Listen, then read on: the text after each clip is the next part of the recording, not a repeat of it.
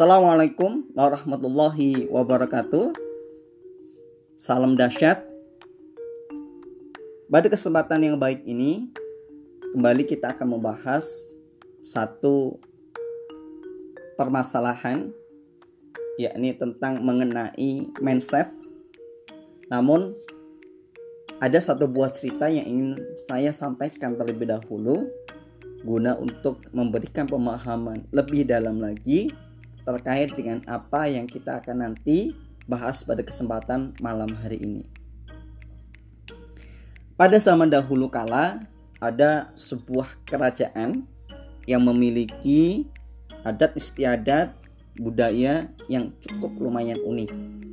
Di mana setiap tahunnya kerajaan ini selalu berkontak-ganti dari yang namanya kepemerintahan. Orang-orang yang akan nanti dinobatkan sebagai raja harus mensetujui atau menandatangani sebuah kontrak yang akan diberikan oleh kerajaan.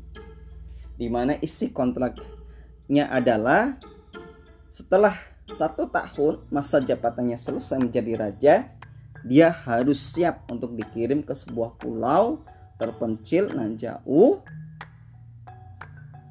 yang telah ditentukan oleh kerajaan. Tampaknya apa yang tertuang dalam kontrak tersebut bukanlah pepesan belaka. Orang-orang yang telah menjabat setelah selesai masa jabatannya kemudian dikirim ke pulau tersebut. Pulau inilah yang akan menjadi tempat peristirahatannya terakhir hidup atau mati daripada sang raja. Demikianlah sebuah adat istiadat budaya yang sudah berlangsung lama ya, dari kerajaan tersebut.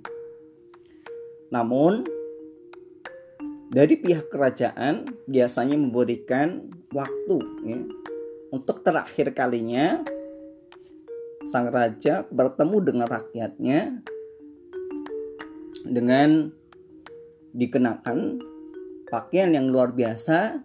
Raja tersebut dinaikkan ke atas hewan tunggangannya, gajah yang cukup lumayan besar, kemudian diarak keliling kota dari kerajaan itu sambil melambaikan tangan sang raja kemudian menyampaikan kepada masyarakatnya selamat tinggal dan sampai berjumpa. Tampaknya ini adalah momen-momen yang paling menyedihkan dari sekian banyaknya raja-raja yang telah menjabat. Karena dia tidak tahu akan nasibnya bagaimana nantinya. Setelah kemudian selesai diarak keliling kota, selanjutnya sang raja diantar oleh masyarakat ya, berbondong-bondong menggunakan kapal besar menuju ke pulau yang telah dipersiapkan. Sang raja kemudian diturunkan dari kapal lalu akhirnya ditinggal oleh masyarakat dan para menterinya menggunakan kapal. Di tengah perjalanan, rombongan dari masyarakat kerajaan itu bersama menterinya mendapati sebuah kapal yang tengah tenggelam di mana ada seorang pemuda yang tengah berjuang melawan ombak dengan ditumpangi sebuah papan melihat seperti itu akhirnya pemuda ini pun diselamatkan oleh masyarakat kerajaan itu. Pemuda ini merasa sangat berterima kasih ya, karena telah diselamatkan nyawanya di tengah hamparan lautan yang begitu luas. Mengingat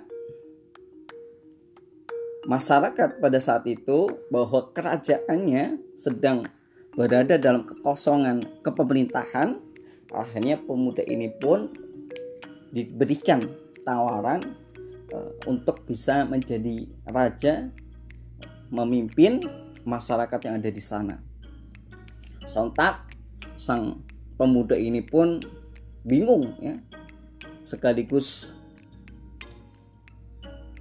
tidak mau ya dalam patinya.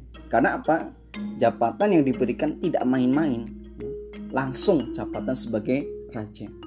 Tapi karena pemuda ini merasa masyarakat yang telah menyelamatkannya itu berjasa dalam hidupnya, dia pun bersedia. Akhirnya kemudian dia bawa ke kerajaan, disodorkanlah kontrak sebagaimana biasanya. Pemuda ini ketika melihat kontrak itu langsung pecah kepalanya, begitu ya, kaget. Ternyata isi kontraknya mengerikan. Namun apa daya, nasi sudah menjadi bubur. Pemuda ini telanjur mengiyakan apa yang menjadi keinginan daripada masyarakat. Namun akhirnya pemuda ini berinisiatif bagaimana nanti ketika dia menjabat raja harus dapat bisa mengantisipasi apa yang akan nantinya terjadi. Tiga hari berselang menjadi raja, langsung tanpa berpikir panjang, buang-buang waktu, pemuda ini karena sudah menjadi raja meminta daripada menterinya, kemudian mas uh, prajurit-prajuritnya untuk diperlihatkan mana pulau yang akan menjadi tempat terakhirnya. Melalui pertimbangan yang cukup lumayan dalam, akhirnya si menteri beserta prajurit siap ya menuruti apa yang keingin apa yang menjadi keinginan sing, sang raja. Berlayarlah raja beserta menteri prajurit ya dengan perlengkapan lengkap ke pulau tersebut. Tampak dari jauh, pulau tersebut ternyata menyeramkan. Lebat, gelap, dan dari kejauhan saja sudah terdengar hewan-hewan buas yang cukup menakutkan. Awalnya sang raja hanya berniat untuk melihat, ya.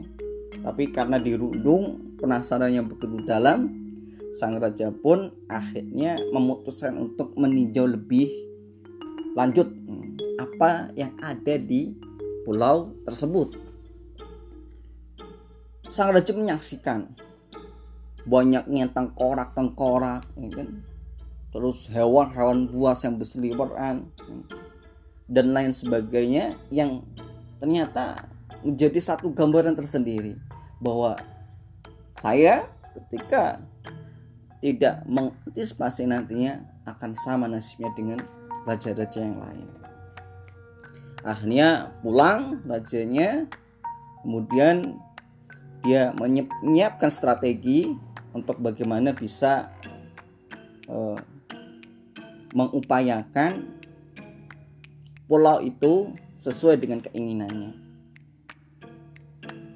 Beberapa bulan kemudian, sang raja meminta kepada menteri ya, dan 100 prajurit terkuat beserta perlengkapannya untuk kembali ke sana. Setelah di sana, sang raja meminta hewan-hewan yang membahayakan, ya, kemudian tulang belulang, semuanya harus dimusnahkan. Setelah dirasa aman, ya kan, pulau itu pun terasa kemudian berbeda. Sang raja balik lagi ke kerajaannya lalu mempersiapkan strategi kembali. Berikutnya sang raja meminta pada menteri ya, beserta prajuritnya untuk membawa binatang ternak. Kambing, onta begitu. Kerbau dan pepohonan-pepohonan yang nantinya bisa berbuah untuk kemudian dikirim ke sana. Setelah dikirim sampai kemudian ke pulau itu, pulau ini ya yang tadinya eh, menyeramkan, menakutkan, membahayakan, sekarang sudah mulai hilang hal-hal yang semacam itu. Balik lagi ke kerajaan dan untuk terakhir kalinya sebelum masa jabatannya selesai, sang raja minta untuk dibuatkan istana kecil di pulau itu. Dan sampai juga keinginan ya, membuat istana kecil itu tersampaikan hmm, tibalah masa-masa terakhir dari sang raja menjabat di kerajaan itu. Sang raja dipanggil oleh menteri bahwa waktunya sudah habis dan bersiap untuk nantinya diarah ke keliling kota sebagaimana raja-raja terdahulu. Sang raja melambaikan tangannya sembari tersenyum lebar ya, berbingar-bingar ya, mengucapkan selamat tinggal kepada masyarakatnya bahkan mengajak mereka mau ikut atau tidak begitu. Masyarakat yang melihat bingung bukan kepalang ya. Tidak sebagaimana raja-raja sebelumnya hmm, bahwa sedih, ya, menangis, histeris dan lain sebagainya itulah yang dialami oleh raja-raja. Tapi tidak oleh seorang pemuda ataupun raja ini. Ya. Pemuda, uh, raja ini pun dibawa ke pulau itu, kemudian dari situ pemuda ini ya atau raja ini ditinggalkan. Dan apa yang terjadi? Pemuda ini pun setelah kemudian semuanya berlalu meninggalkan ternyata bisa hidup di sana sampai kemudian menghasilkan keturunan dan lain sebagainya. Inilah pulau terindah ya yang dinanti-nantikan oleh sang raja ini. Demikian cerita singkat yang memotivasi. Mudah-mudahan ini bisa dijadikan kita pelajaran bahwa sejujurnya apa pun yang akan kita hadapi di tahun yang akan datang harus kita persiapkan, harus kita antisipasi apa saja yang kita butuhkan agar masa depan kita lebih celang cemerlang lagi. Inilah konsep menciptakan perubahan untuk mengatasi perubahan. Demikian dari saya, saya Adi Rahman Hakim. Salam dahsyat. Bila kita Assalamualaikum warahmatullahi wabarakatuh.